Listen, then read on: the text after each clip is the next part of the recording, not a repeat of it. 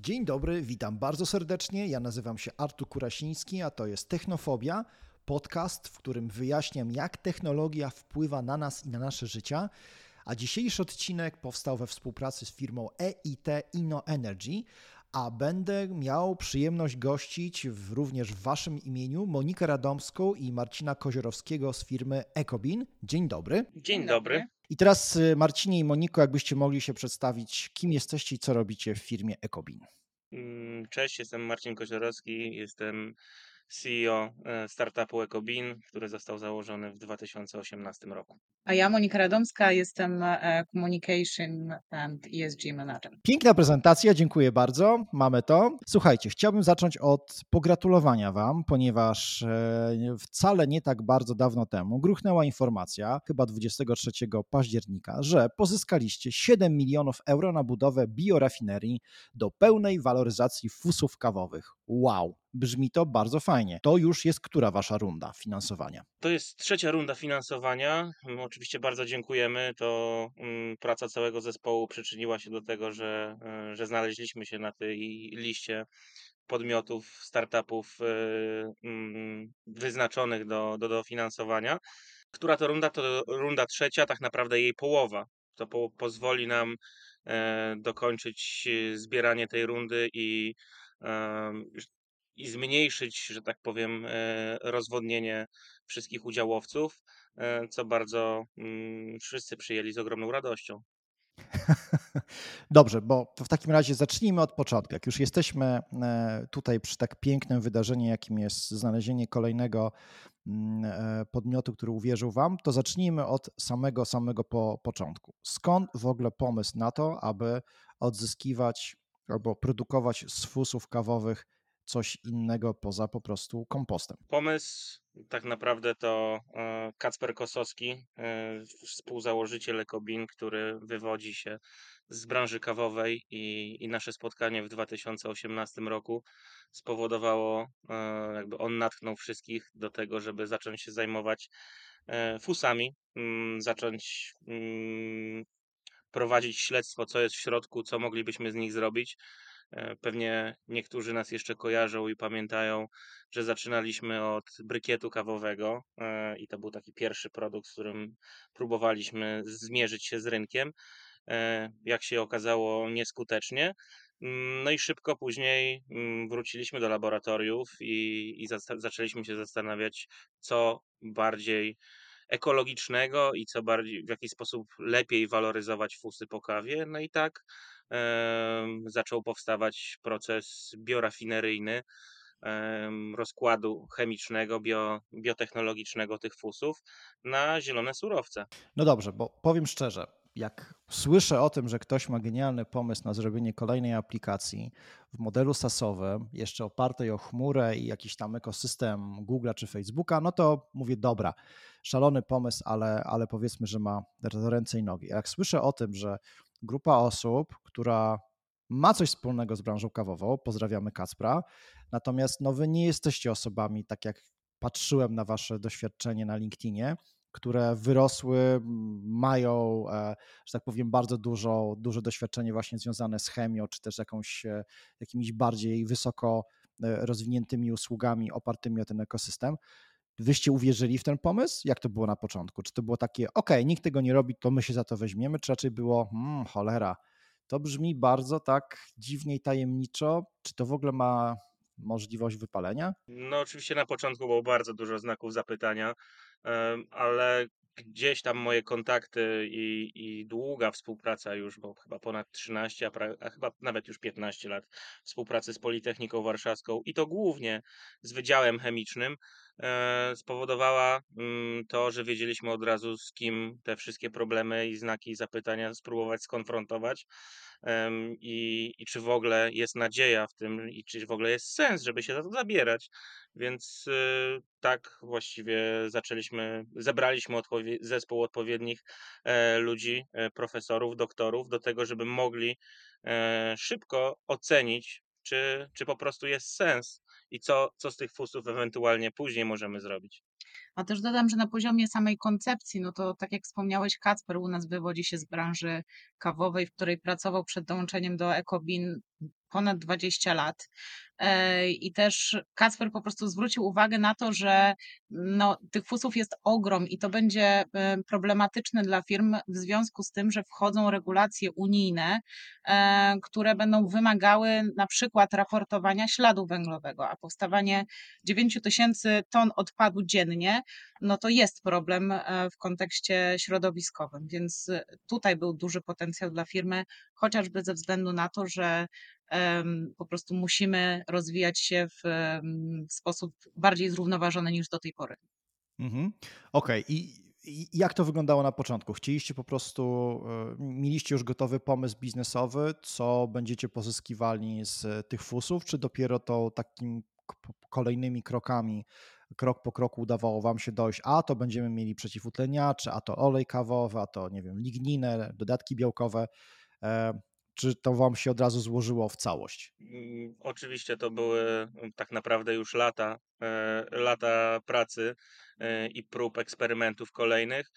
Kilka, kilka, mm, można powiedzieć, kamieni milowych musieliśmy rozwiązać po drodze, żeby, żeby dojść do tego miejsca, gdzie jesteśmy. Oczywiście pierwszym takim dużym, które pierwsi inwestorzy, którzy nas uwierzyli, zadawali pytania, to była kwestia logistyki i zbiórki tych fusów z wielu rozproszonych miejsc. I to nam się udało zrobić dzięki współpracy z naszym partnerem z GLS-em. E, możemy te fusy zbierać z kawiarni, restauracji, hoteli, wszędzie, gdzie duże ilości e, powstają. A pod kątem, pod kątem chemicznym, oczywiście ilość prób i ilość tego, jak ten proces zostanie poprowadzony i kolejność otrzymywania tych surowców, to się zmieniało naprawdę, naprawdę w czasie.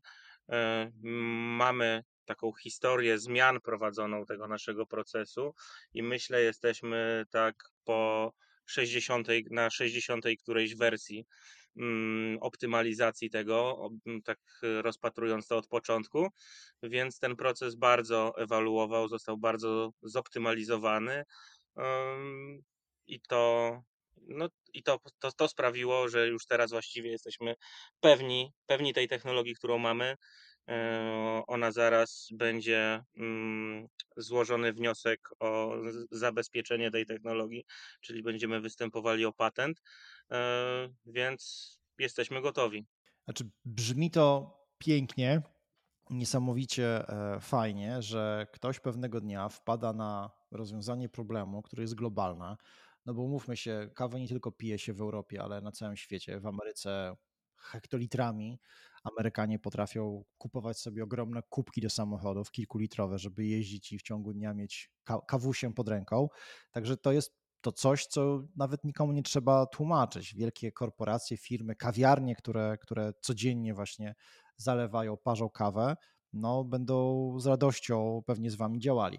Aż dziwne jest, że nikt wcześniej na to nie wpadł. To jest taki pomysł rodzaju tak genialnego, tak prostego, że cholera, to po prostu jest takie właśnie niesamowite, że, że wam to się udało.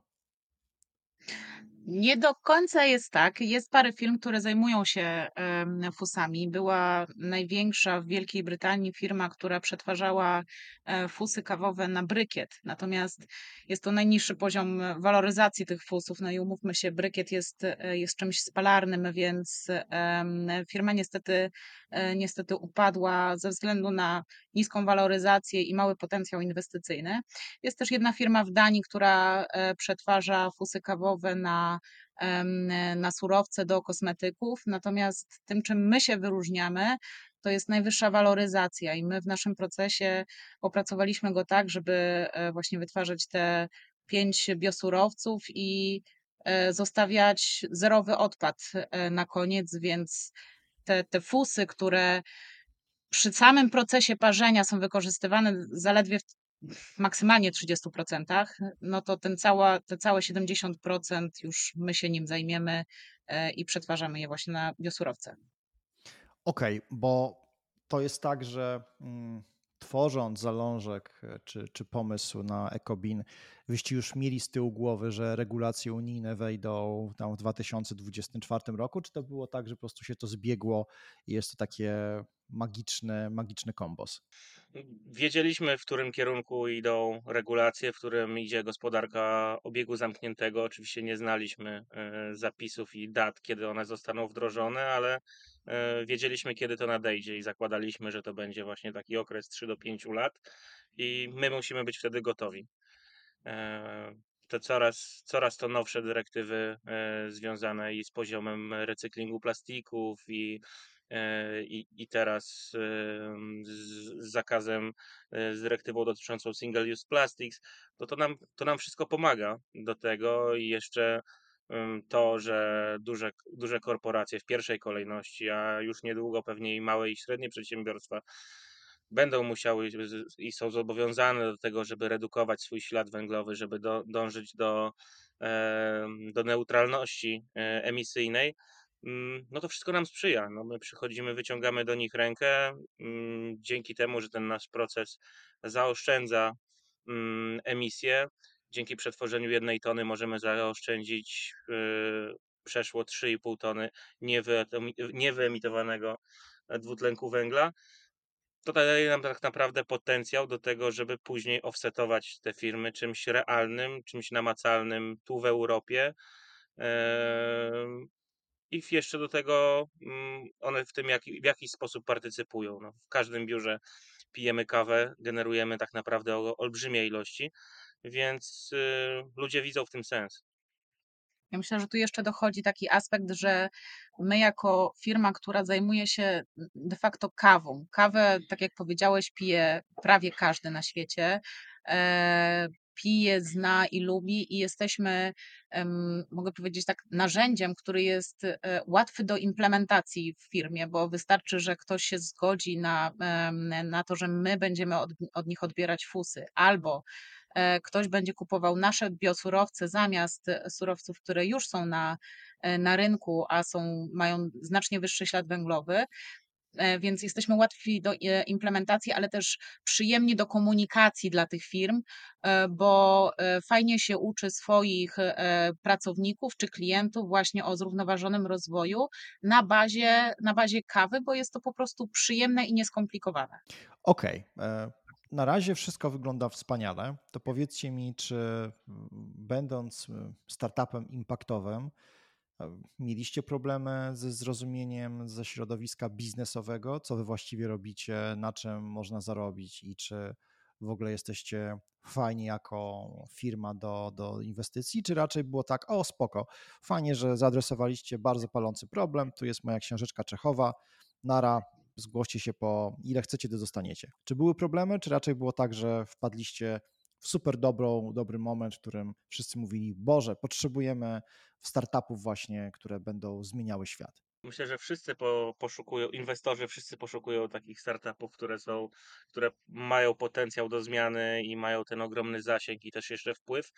E, myślę to, że mm, bycie startupem impactowym, czyli do spełnienia jeszcze jedno dodatkowe kryterium, mimo tego, że jeszcze musi y, być startupem, który będzie w stanie zarobić i ten model biznesowy musi być ułożony, więc to jest raczej utrudnienie niż, y, niż przywilej.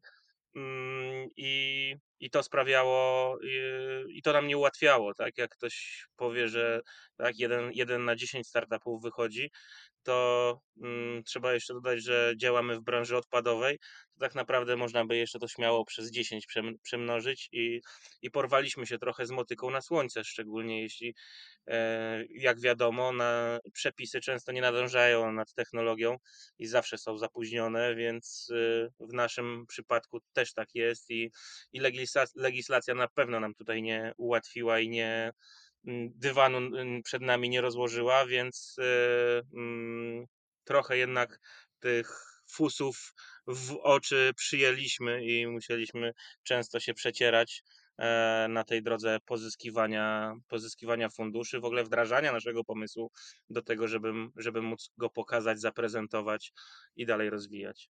Ale to, co myślę, jest jeszcze też e, taką naszą dużą zaletą, e, to jest to, że no, nie, jestem, nie jesteśmy po prostu startupem, który powiedzmy siedziało sobie dwóch panów i wymyśliło, że, że zbudują startup, będzie fajnie, tylko panowie tutaj od początku um, tworzą um, kompetencje w zespole, czyli um, trzy osoby w zarządzie, no to to jest Kacper, który 20 lat w tej branży kawowej był, Marcin, który zajmował się zawsze transferem technologii do biznesu e, i Maciek, który, który siedział w funduszach wiele lat i się w tym specjalizuje, ale też tworzenie samego teamu, nasz team e, RD e, ma kilkanaście osób specjalizujących się już, już w różnych biosurowcach. Mamy wsparcie e, profesorów, doktorów, ale też zespół ofisowy, gdzie, gdzie składamy się mm, ja z dwiema,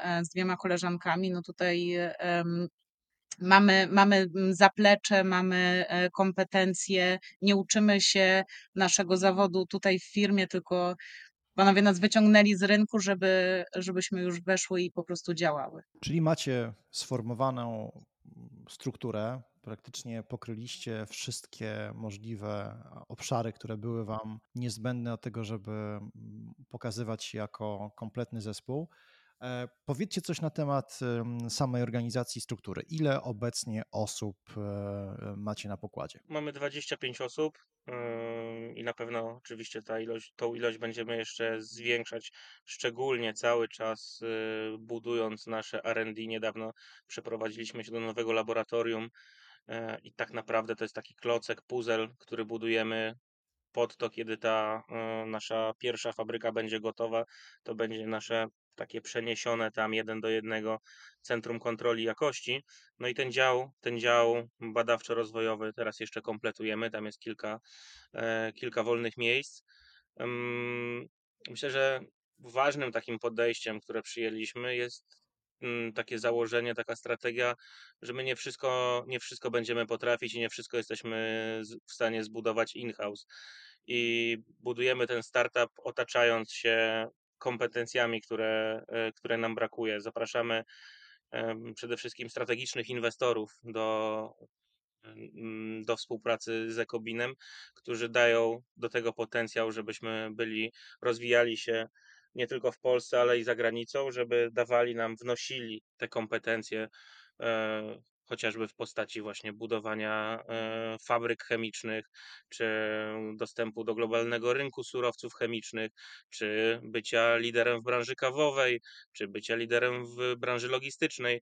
Tego wszystkiego, jakbyśmy, jakbyśmy chcieli to wszystko mieć u siebie i to wszystko E, zbudować, no to rzeczywiście musielibyśmy już teraz blisko pewnie zatrudniać grubo powyżej 50 osób, e, no a, a nadal jeszcze nie, nie dostarczając i nie sprzedając e, końcowych produktów, więc to by było zdecydowanie, zdecydowanie mm, jeszcze trudniejsze od tego, co, co już mamy co już osiągnęliśmy. Mhm.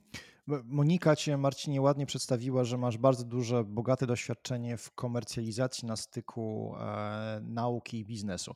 To powiedz mi, czy dużym problemem jest w takim razie w Polsce właśnie stawianie takich spółek, które potrzebują talentów z, i, i zaplecza naukowego, a jednocześnie, żeby uwierzyć w to, że no właśnie to jest projekt komercyjny, on będzie działał trochę na innych zasadach. Czy, czy, czy widzisz taką, że to jest problem, czy raczej kwestia, a to się samo i szybko robi? Myślę, że to jest coś, olbrzymi, olbrzymi problem, który musimy cały czas nadrobić i uczyć się mm, od Europy Zachodniej, jak, jak to funkcjonuje, jak blisko powinien współpracować biznes e, z naukowcami i, i, trzeba, i trzeba szukać tych przykładów za granicą. Oczywiście mm, tak naprawdę największym problemem chyba są pieniądze e, i zbudowanie zaufania poprzez właśnie przykłady, które, które wyszły e, i które się udały. W Polsce jest, ostatnio słyszałem taką statystykę, chyba ponad 200,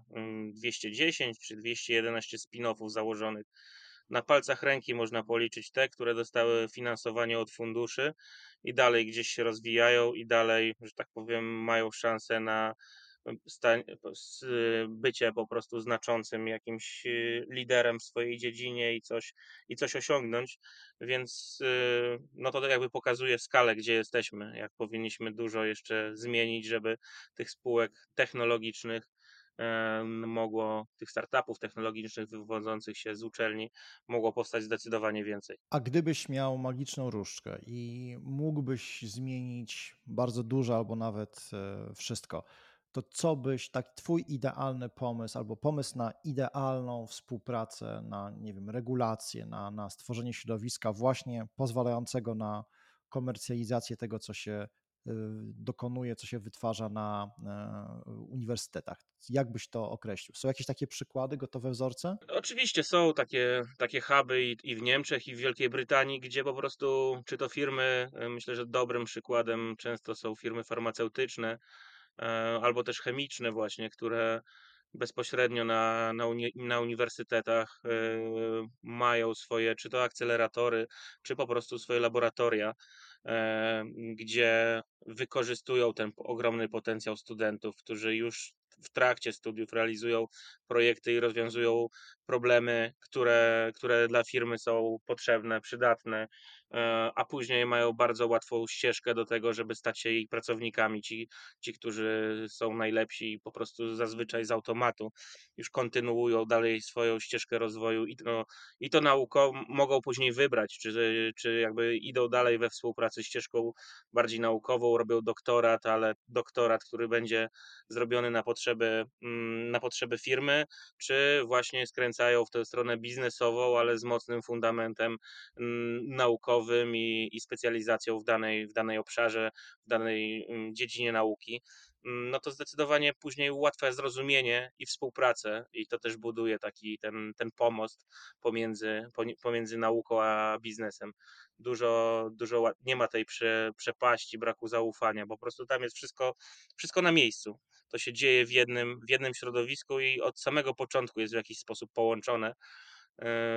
Więc wydaje mi się, że powinniśmy, powinniśmy próbować. A masz wrażenie, że w Polsce nauka jest gotowa do tego, żeby chcieć e, komercjalizować? Czy to jest bardziej kwestia taka, że biznes chce i potrzebuje tych, tych, tego zaplecza właśnie naukowego, a, a naukowcy, ludzie z ludzie, którzy wytwarzają naukę, mówią: No nie wiem, ja jestem trochę taki tutaj, nie wiem, czy mogę, czy powinienem, bo ja w końcu nie robię tego dla, dla zysku.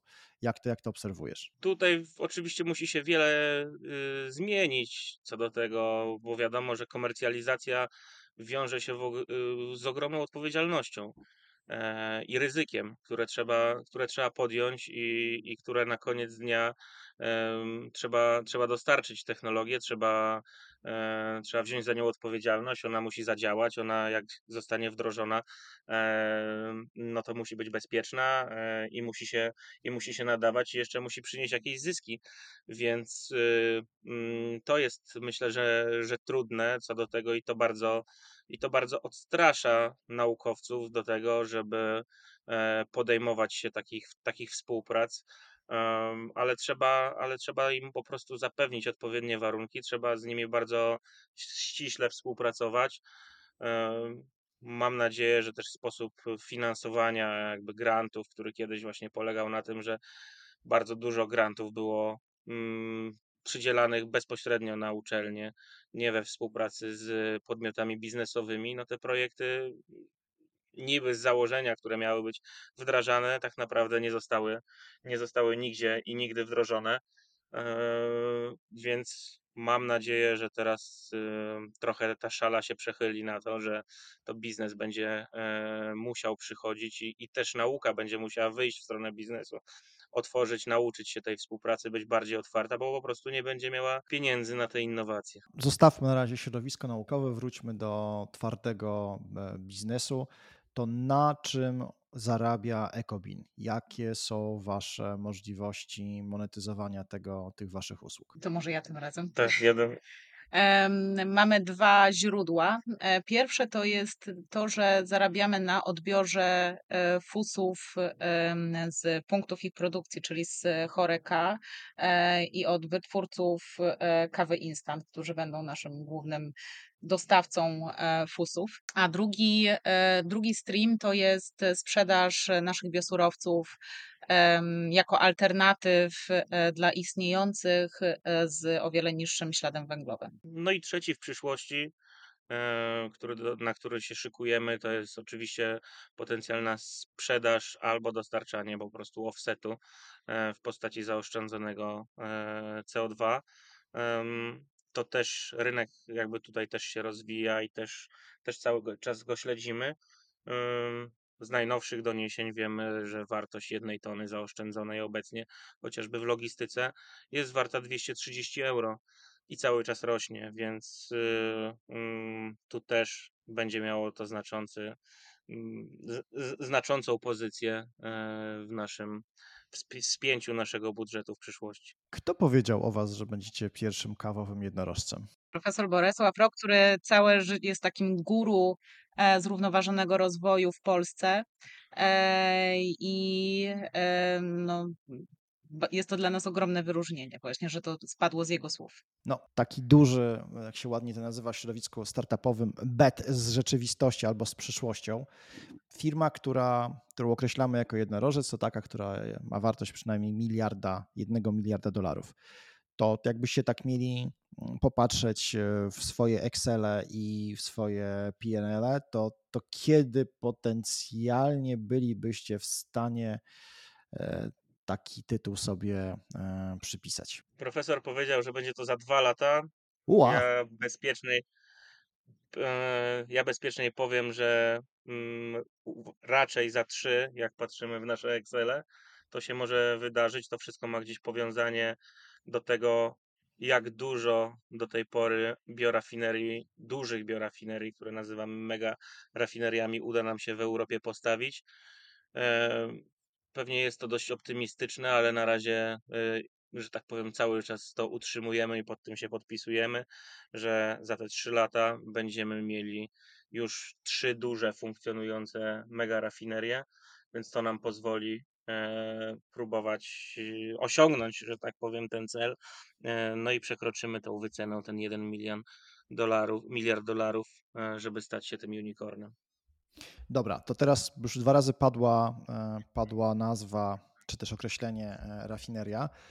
Brzmi to trochę e, tak, no ja przynajmniej znam rafinerię z branży paliwowej, tak? To, to wygląda jak ogromna, bardzo skomplikowana maszyneria, fabryka z dużą ilością rur gdzieś na, na, gdzieś na poboczu, bo tam dużo jest też produktów, które, które są dosyć niebezpieczne dla ludzi. Powiedzcie mi to, jak będzie taka rafineria wyglądała w waszym, waszym wypadku? Mm, Żeby ładniej to określić, na pewno będzie le lepiej brzmi zielona biorafineria. E, I, I to nie będzie, i to nie będzie rzeczywiście coś, co musi stać nawet na uboczu. Mamy pewne plany, chociażby i, i współpracujemy z miastem Helsinki, i oni wręcz sobie wymarzyli i do tego nas zachęcają, żeby rekultywować centrum miasta i taką, i taką biorafinerię we współpracy z nami postawić w centrum jako przykład takiego zielonego zielonego budynku, chociażby takim świetnym porównaniem jest y, ta spalarnia śmieci, która jest w Kopenhadze i, i, i służy, jak jest zbudowane jest jako takie centrum edukacyjne mm, dookoła i, i, w samym centrum miasta. E, oczywiście jest to skomplikowane, my to bardziej przyrównujemy i jakby wzorujemy się trochę z mm, produkcją baterii i fabryką e, produkcji baterii. I, I gdzieś to są takie wielkości, więc to nie będą aż tak olbrzymie e, chemiczne zakłady, jak, jakimi są rafinerie. E, Pierwsza nasza fabryka zamknie, myślę się, że w powierzchni 2,5 tysiąca metrów kwadratowych będzie to takiej wielkości hala produkcyjna, więc tak dla wyobrażenia, to nie są, nie są aż tak ogromne zakłady. Powiedzieliście, że chcecie mieć taką rafinerię, chcecie mieć kilka takich rafinerii. To jak rozumiem, jeżeli dobrze Was słuchałem, to pewnie potrzebujecie takich rafinerii wszędzie tam, na każdym kontynencie, bo pewnie ciężko będzie przewozić te fusy, nie wiem, z Europy do, do Stanów i vice versa. Czyli pewnie będziecie musieli, mm, stawiając kolejną, kolejny swój oddział spółki, stawiać tam rafinerię. Tak, model jest taki, że przynajmniej jedna rafineria na duże, na duże państwo. Oczywiście w przyszłości myślimy też o e, globalnej ekspansji. Na razie skupiamy się na Europie, więc te pierwsze na pewno będą powstawać na największych rynkach w Europie. E, najwięcej kawy piją, e, w ilość, generują odpadów Niemcy, e, Francuzi, Hiszpanie, ale też e, ze względu na picie, że tak powiem, per capita na głowę najwięcej Finowie, Szwedzi, e, więc to są takie kraje, które bierzemy pod uwagę w pierwszej kolejności pod kątem szukania budowania partnerstw i tak naprawdę joint venture pod budowę takich lokalizacji docelowych, przemysłowych. Pamiętaj też, że jesteśmy, to co wcześniej padło, startupem impactowym, więc takie przewożenie fusów ze Stanów to już w ogóle jakaś abstrakcja by była. E, przewożenie fusów z jednego państwa do drugiego trochę mija się z celem impaktu, bo samo przewożenie generuje ci ślad węglowy duży, a my sobie kalkulujemy każdy etap naszej działalności e, i działanie lokalne no, jest jak najlepsze najlepsze, jest najlepszym e, sposobem na, e, na zwiększenie tego impaktu. To, co jest, zostało wyprodukowane w formie fusów lokalnie, lokalnie, żeby zostało przetworzone i lokalnie, żeby zostało e, sprzedane i to jest najbardziej najbardziej optymalny model. A jakiego typu widzicie zagrożenia dla waszego biznesu? To jest kwestia zmian związanych z globalnym ociepleniem, to jest kwestia regulacji prawnych, to jest kwestia świadomości klientów, e, nie wiem, braku zaufania do takiego modelu, w którym ktoś swoje odpady sprzedaje, bo się będzie bał, że ktoś jeszcze na tym, nie daj Boże, zarobi ogromne pieniądze. Co, co na chwilę obecną jest takim deal breakerem w waszym wy wykonaniu? Wszystko to, co wymieniłeś, pewnie po, mm, po trochu ma znaczenie i może przyczynić się do tego, że, y, że nam utrudni rozwój, ale myślę, że w, akurat w, naszym, w naszej sytuacji, gdzie jesteśmy, była po prostu ogromny kapitał e, potrzebny do tego, żeby ruszyć i zacząć budować te instalacje, żeby, żeby budować hardware i, i móc rozpocząć po prostu przetwórstwo i udowodnić, że ten model biznesowy, zarówno od strony finansowej, jak i ekologicznej, właśnie tej środowiskowej, jest opłacalny i jest z korzyścią dla wszystkich stron. Więc y, no my bardzo wiele musieliśmy obiecać, żeby, żeby, żeby być teraz tu, gdzie jesteśmy ale wydaje mi się, że udało nam się dotrzymać słowa. Czy w takim razie widzicie wasz biznes w Europie, czy chcecie, czy patrzycie z łakomym wzrokiem też na te rynki, które są większe, e, nie wiem, Chiny, Azja, Ameryka? Czy chcecie jednak budować przede wszystkim, rozwijać spółkę na początku tutaj na kontynencie europejskim? Oczywiście nie mówimy nie wszystkim inwestorom, E, którzy do nas przychodzą i właśnie się pytają, czy to z Indii, czy to ze Stanów. E, ale realnie patrząc, musimy wykonać ten pierwszy krok e, tutaj w Europie, a, a później trochę przyszłość pokaże, czy pierwsza duża fabryka powstanie w Stanach, czy, czy w Niemczech. Bardziej realne wydaje się na ten moment, wydają się Niemcy, ale mm, tutaj, że tak powiem, nie, nie skreślamy takiego scenariusza. Dobra, za trzy lata exit, e, miliardowa wycena i co? Koniec już poza, pozamiatane? Nie będziecie chcieli się zajmować to spółką, czy nadal widzicie się jako osoby, które aktywnie pracują i, i coś właśnie w niej robią? Myślę, że na pewno będziemy coś robić. E, na pewno będziemy coś robić dla, dla Ekobinu a wydaje nam się, że będziemy mogli też jeszcze zrobić, spróbować y, chociażby rozwinąć kilka jeszcze fajnych pomysłów, które mamy, które mamy w głowie, więc nadal na pewno będziemy w tym, tych zielonych startupach próbowali się e, próbowali walczyć i, i, dalej, i dalej rozwijać i, i mieć jakiś impact, zostawić, zostawić coś dla dzieciaków. A czego Wam brakuje na, na ten moment? To raczej jest e, zasób talentów, ludzi w, w spółce, pieniędzy, nie wiem, właśnie zmiany gwałtownej świadomości ludzi, że potrzebujemy mniej produkować dwutlenku węgla i co się da, to, to recyklować? Jak zawsze w startupie brakuje nam pieniędzy oczywiście i, i, i wiadomo, że one są potrzebne i, i przyspieszają i przyspieszają rozwój, ale też yy, no myślę, że partnerskie podejście właśnie biznesu i, i szybkość działania korporacji gdyby one były trochę bardziej dynamiczne, e, na pewno by nam pomogło e, do tego, żeby móc szybciej wdrażać nasze, nasze usługi na, na dużą i szeroką skalę. To są chyba dwa główne punkty. Ostatnie moje pytanie. Spotkaliśmy się w Amsterdamie, TBB, i ja was obserwowałem trochę z boku. Wasze stoisko było duże, bardzo dużo osób podchodziło, pytało się, dotykało, macało produkty, które tam były wystawione. E, To jest bardzo duży e, commitment z waszej strony, żeby się pojawić. To tam był cały, dużo, dużo osób było z waszego zespołu. E, Powiedzcie mi, ile razy w ciągu roku na takie eventy się wybieracie jako, jako organizacja? Na wielu. Praktycznie jesteśmy w środku sezonu. No i odwiedzamy naprawdę dużo eventów. Akurat e, TBB, było największym, na którym się wystawialiśmy, ale też dopiero co e, byliśmy na Host Milano, jednym e, z największych w ogóle targów Choreka. Więc no, rozpychamy się, ale żeby zaistnieć w głowach, to co wcześniej wspomniałeś, że trzeba zbudować świadomość. Musimy budować nie tylko świadomość tego, że należy wdrażać takie zielone rozwiązania i budować gospodarkę obiegu zamkniętego, ale też musimy zadbać o budowanie świadomości samego ekowinu. Em, e, Więc e, żeby to zrobić, e, no to, no to jesteśmy naprawdę na wielu wydarzeniach.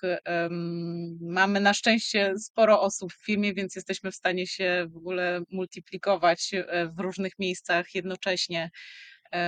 No bo takie, Rek- takie, rekord chyba z maja, który pamiętam, to byliśmy na czterech imprezach jednocześnie w jednym tygodniu, w różnymi składami. W jednym tygodniu na czterech imprezach. Tak, na takich dużych międzynarodowych. Widzicie w takim razie potencjał, albo musicie widzieć potencjał w pojawianiu się na takich imprezach, bo inaczej byście nie inwestowali w to tyle swojego czasu. Oczywiście, no spotykamy tam jakby w trakcie, w trakcie zbierania rundy finansowej, poszukiwanie inwestorów, jeżdżenie z nimi. e, To są bardzo dobre miejsca, żeby się z nimi tam spotkać na miejscu, poznać e, i, i załatwić wiele, wiele rzeczy za jednym razem, e, więc mm, musimy, musimy być. No to fundraising jednak jest, jest dość ciężki, szczególnie w tych czasach, więc musieliśmy dużo czasu na to poświęcić, żeby po prostu pojeździć po, po Europie głównie e, i, mm, i, zbudować, i zbudować to zaufanie z inwestorami i, i przekonać ich do siebie. Ale też na takich e, wydarzeniach, no oprócz oczywiście takiego, e, takiej podstawy, jakim są spotkania z inwestorami, to naprawdę sporo ciekawych osób można poznać. E, Tak jak, nie wiem, w którymś momencie na TBB podeszła do nas pani z Komisji Europejskiej. Więc zbudować sobie taką, brzydko nazwę to, bazę e, Rzesze znajomości fanów. E, która, która tak, może nam po prostu się przydać w, na którymś etapie rozwoju biznesu, bo, bo jej po prostu znajomości, może to znajomości to źle brzmi, ale network jest tutaj bardzo ważny. Drodzy, e, dziękuję Wam bardzo serdecznie. Nie chcę kłamać, bo powiedziałem, że to jest ostatnie moje pytanie, w związku z tym chciałbym, żeby to faktycznie było moje ostatnie pytanie, chociaż mam ich jeszcze całkiem dużo, ale może zostawmy je na kolejną okazję, bo mam wrażenie, że faktycznie w takim tempie, o którym Wy opowiadacie i które się e, wydarzyły do tej pory, no to te trzy lata mogą się błyskawicznie e, spłaszczyć w raczej chyba w dwa albo, albo może nawet szybciej będziecie mieli bardzo, bardzo wypasionego, czy staniecie się bardzo wypasionym jednorożcem. Więc ja Wam bardzo serdecznie gratuluję ostatniej rundy, ale wiem, że to nie jest e, ostatnia, ostatnia. E, Cieszcie się i mam nadzieję, że uda Wam się spełnić i zacząć budowę tego, mm, tego waszego, tej Waszej rafinerii. E, Fajnie by było zobaczyć taki zakład faktycznie pomagający naszej biednej planecie, bo jednak my lubimy sobie mm, komplikować sytuację i na wielu, wielu polach e, tą naszą ziemię nieźle e, wyzyskujemy. Także raz jeszcze, Monika Radomska, Marcin Koziorowski z firmy EcoBean e, byli moimi i waszymi gośćmi. Bardzo Wam dziękuję i mam nadzieję, że zobaczymy się albo na jakichś kolejnych targach, albo gdzieś przy okazji jakiegoś imprezowego, startupowego wydarzenia. E, Także dziękuję Wam za udział i do zobaczenia. Dzięki, Dziękujemy. dzięki serdeczne.